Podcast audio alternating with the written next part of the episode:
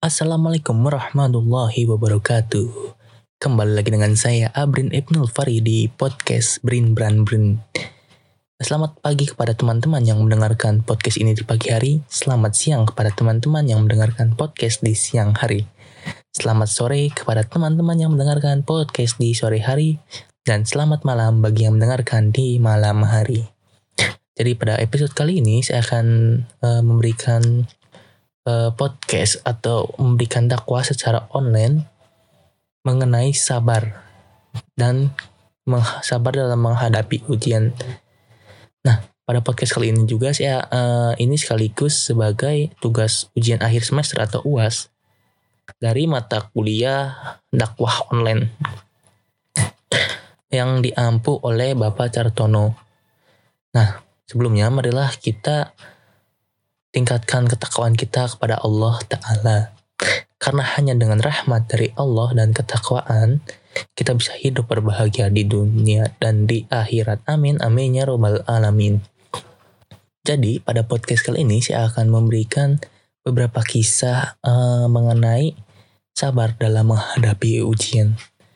Nah, uh, suatu hari, Imam Al-Bukhari, ulama hadis terkenal, Masya masyhur dengan kitabnya Sahih Al-Bukhari melakukan rihlah atau perjalanan untuk mencari hadis.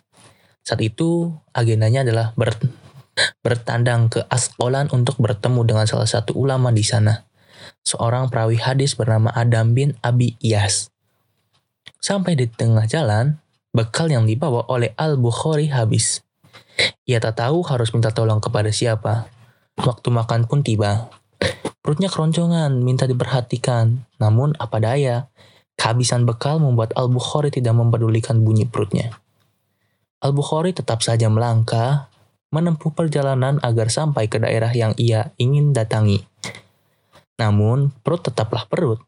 Ia adalah makhluk Allah yang harus diperhatikan, agar Al-Bukhari sampai ke Ashkolan dengan selamat. Perawi hadis Sohi yang terpercaya ini melihat tumbuhan-tumbuhan yang ada di sekelilingnya. Ia sadar bahwa bagaimanapun ia harus mengisi perutnya.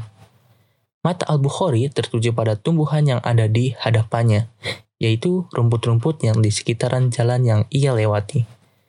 Awalnya ia ragu memakannya, namun perutnya sudah berteriak menyetujui apa pun yang masuk ke dalam lambungnya.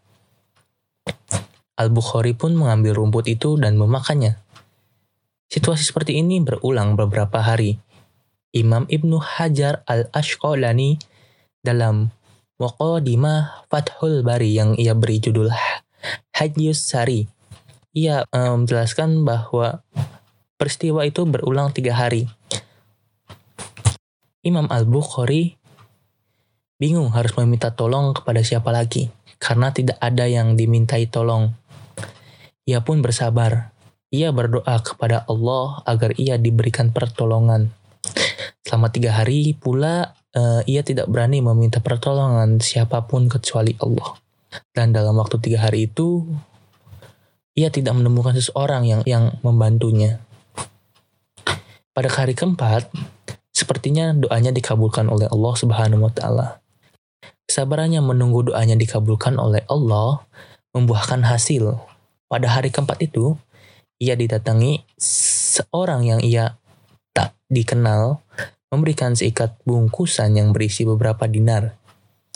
Yang mencoba mengamati si dermawan itu, namun memorinya buntu. Ia sama sekali tidak mengenal orang itu. Telinganya samar-samar mendengar perkataan orang asing tersebut. Sedekahkanlah beberapa dirham ini untuk diri kamu sendiri. Itu yang diucapkan oleh yang menolongnya. Al-Bukhari yang sangat bersyukur sekali Allah Subhanahu wa taala telah menolong melalui yang orang dermawan yang ia tak kenali itu. Ia pun melanjutkan perjalanannya dengan bekal penuh. Ia tak perlu lagi mencabuti rumput di pinggir jalan untuk ia makan. Kisah ini uh, diambil di atau dikutip dari kitab karya Syekh Abdul Fattah Abu Ghudadah yang berjudul Safa'at min Sabaril Ulama. Kisah Al-Bukhari yang telah saya sampaikan atau saya ceritakan tadi bisa kita ambil banyak kesimpulan dan hikmah untuk kita pelajari bersama. Pertama, kita harus ingat bahwa dalam hidup pasti ada ujian. Allah Subhanahu wa taala telah menyatakan hal itu dalam surat Al-Baqarah ayat 155. Dan kami akan menguji kamu dengan sedikit ketakutan, kelaparan, kekurangan harta, jiwa, dan buah-buahan, dan sampaikanlah kabar gembira kepada orang-orang yang sabar.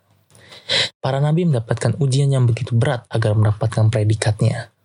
Kita perlu ujian, bersaing dengan banyak orang sebelum mendapatkan predikat juara. Begitulah hakikat hidup, tak pernah lepas dari ujian. Hikmah yang kedua, ujian itu bisa uh, ujian itu pasti terjadi sebelum kita menapaki tangga kesuksesan. Dalam kasus Al-Bukhari tadi, kita melihat bahwa Allah Subhanahu wa taala telah mengujinya. Apakah dengan kehabisan bekal itu dia masih hidup dan tetap melanjutkan perjalanannya atau malah pulang? Namun ternyata Al-Bukhari lebih memilih untuk melanjutkan perjalanannya. Ia bersabar dengan keadaan yang seadanya. Namun akhirnya sabaran itu berbuah manis. Sungguh benar firman Allah dalam surat Al-Baqarah tadi. Berilah kabar gembira bagi orang-orang yang mau bersabar dalam masa-masa pandemi seperti ini, kita dituntut untuk bersabar dan tetap berusaha seperti kisah Al-Bukhari tadi. Bagi yang dirumahkan, diberhentikan dari pekerjaannya atau tidak mendapatkan penghasilan sama sekali, begitu dengan begitu juga dengan para dokter dan tenaga medis dan juga masyarakat umum. Marilah kita bersabar seraya tetap berusaha dan berdoa kepada Allah Subhanahu wa taala. Bagi yang masih sehat, marilah kita bersabar untuk tidak keluar rumah, tidak berkerumun, dan mematuhi protokol kesehatan demi menurunkan gelombang penularan virus COVID-19 ini. Tanamkan pada kepada diri kita bahwa masa-masa susah seperti ini adalah jalan Allah Subhanahu wa taala untuk menguji kita. Kita akan semangat maju atau malah mundur dari dari pertarungan ini Siapa tahu bahwa dengan terus majunya kita, Allah telah menyiapkan penghargaan yang terbaik buat kita. Allah sedang menguji kita apakah kita layak mendapatkan penghargaannya. Wallahu aram. Marilah kita yakini dengan tetap bersabar, berusaha, dan berdoa. Jika kita telah melakukan itu semua, percayalah bahwa janji Allah itu sangat nyata.